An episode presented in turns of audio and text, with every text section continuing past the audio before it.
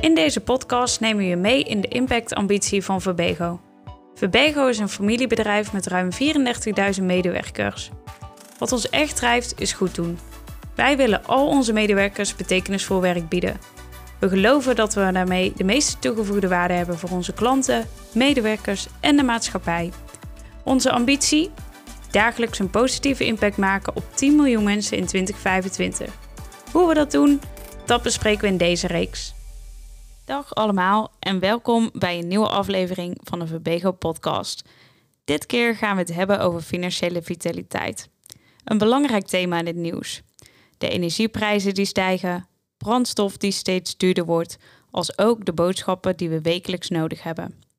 Gemiddeld gaan we er dit jaar zo'n 40 euro per maand op achteruit. Nou, als de inflatie ook zo lang aanhoudt als de Nederlandse bank verwacht, zal het aantal huishoudens dat moeite heeft met rondkomen stijgen.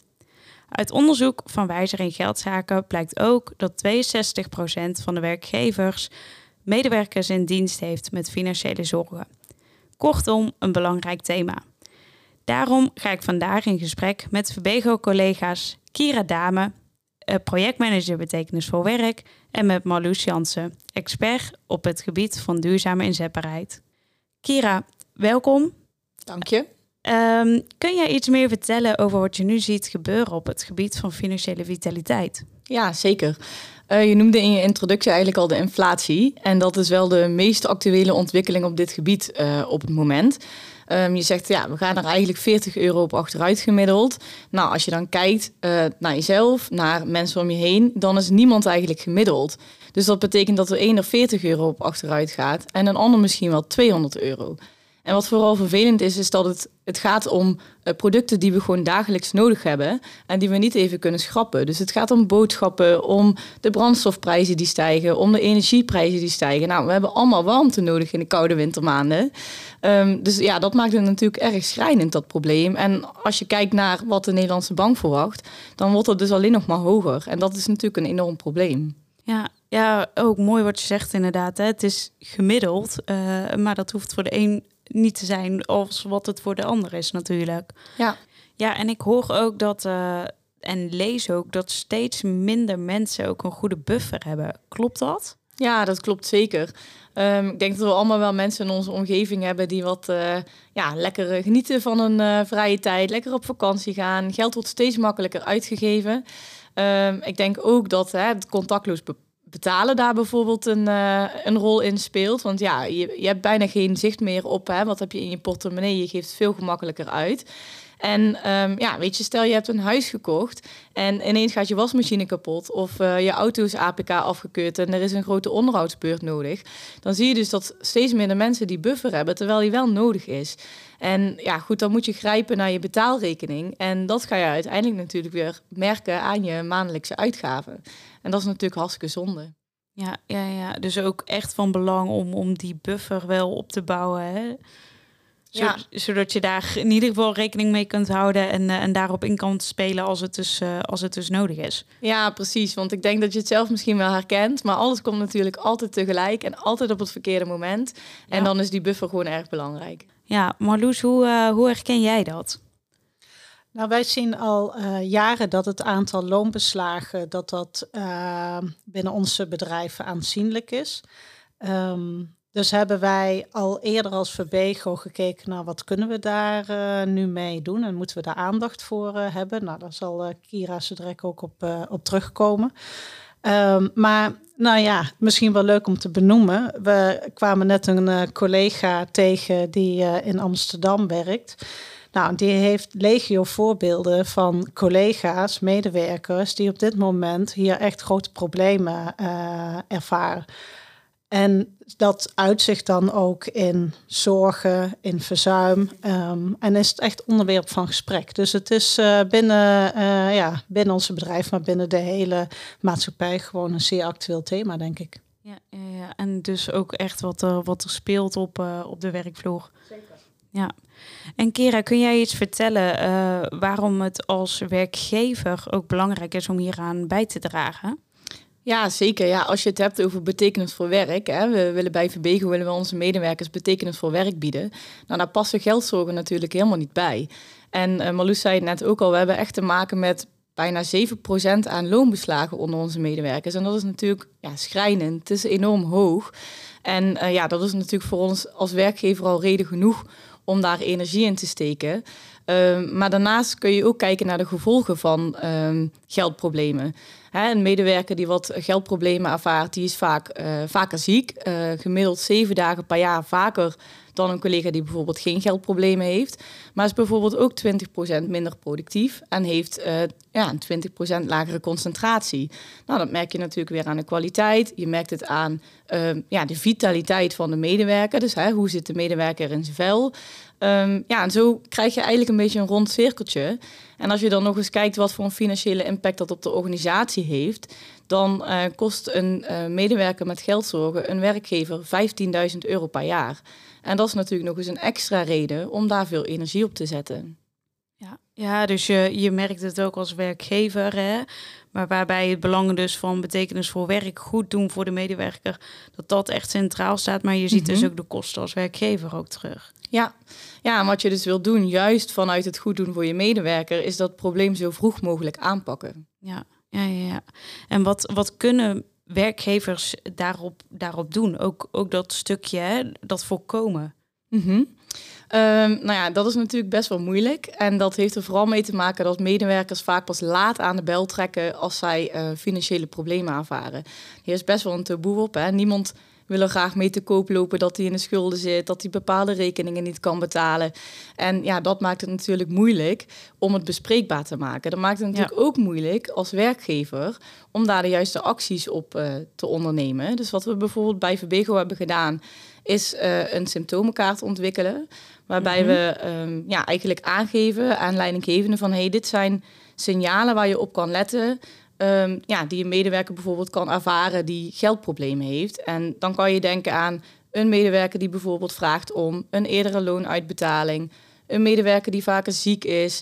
Um, of een medewerker die misschien juist meer uren wil werken om dus maar rond te kunnen komen. Nou, dat is natuurlijk heel belangrijk om ja, voor die vroegtijdige herkenning. Daarnaast um, hebben we natuurlijk ook interventies om het wat meer op te lossen, dus wat reactiever. Zo hebben we een financiële uh, helpdesk ingericht in samenwerking met de budgetcoachgroep.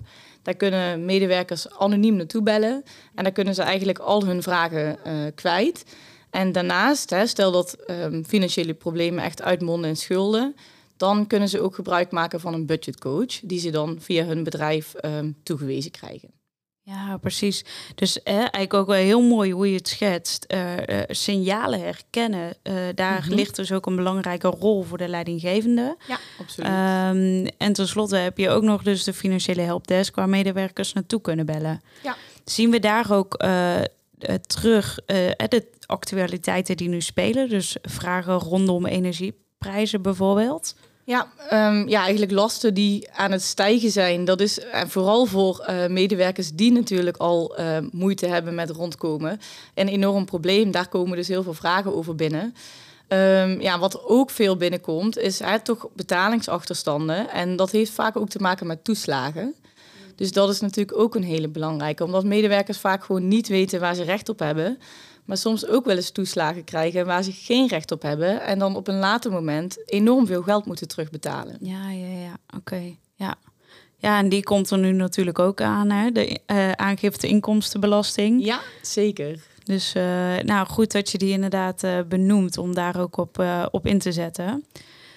Marloes, financiële vitaliteit, hè? dat is on ook onderdeel van duurzame inzetbaarheid natuurlijk. Kun je daar iets meer over vertellen?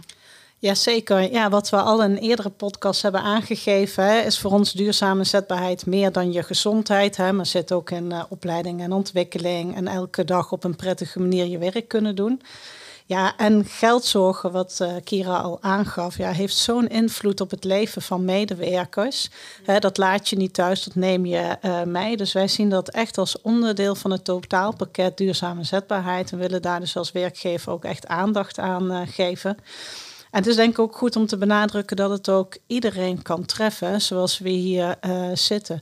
Hè, sommige zaken zijn niet te, uh, te beïnvloeden, zoals de brandstofprijzen nu en de energieprijzen.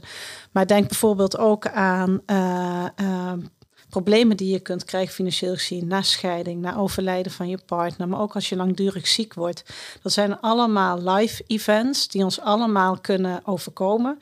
En uh, ja, het, het belangrijkste is dat uh, iedereen weet dat je met dit soort vragen uh, uh, nou ja, bij je werkgever terecht kan of dat je anoniem de budgetcoach kan, kan benaderen om het daarover te hebben. Ja, en het liefst in zo'n vroeg mogelijk stadium, hè, dat je de problemen voor bent. En ehm, ja, ik denk dat wij met z'n allen een belangrijke taak hebben om daar goed over te communiceren. Dat iedereen weet dat die mogelijkheden er zijn. En, en dat het ons dus ook allemaal kan treffen ik denk dat dat een hele belangrijke is. Ja, precies. Door die grote live events, uh, zoals je benoemt. Maar ook daarmee dus eigenlijk ook een belangrijke tip om met elkaar in gesprek te blijven. En want dan raak je eigenlijk ook weer dat stukje uh, schaamte. Hè? Kira, jij zei daar net ook al iets over. Kun je daar iets over toelichten? Ja, zeker. Ja, schaamte. Dat, eh, ja, niemand vindt het leuk om over zijn geldproblemen te praten. Um, hè, misschien uh, kan je het zelf nog wel eens herinneren dat je een keertje zwaar had uh, na je studententijd bijvoorbeeld om bepaalde rekeningen te betalen. Ja, dat hang je natuurlijk niet aan de grote klok.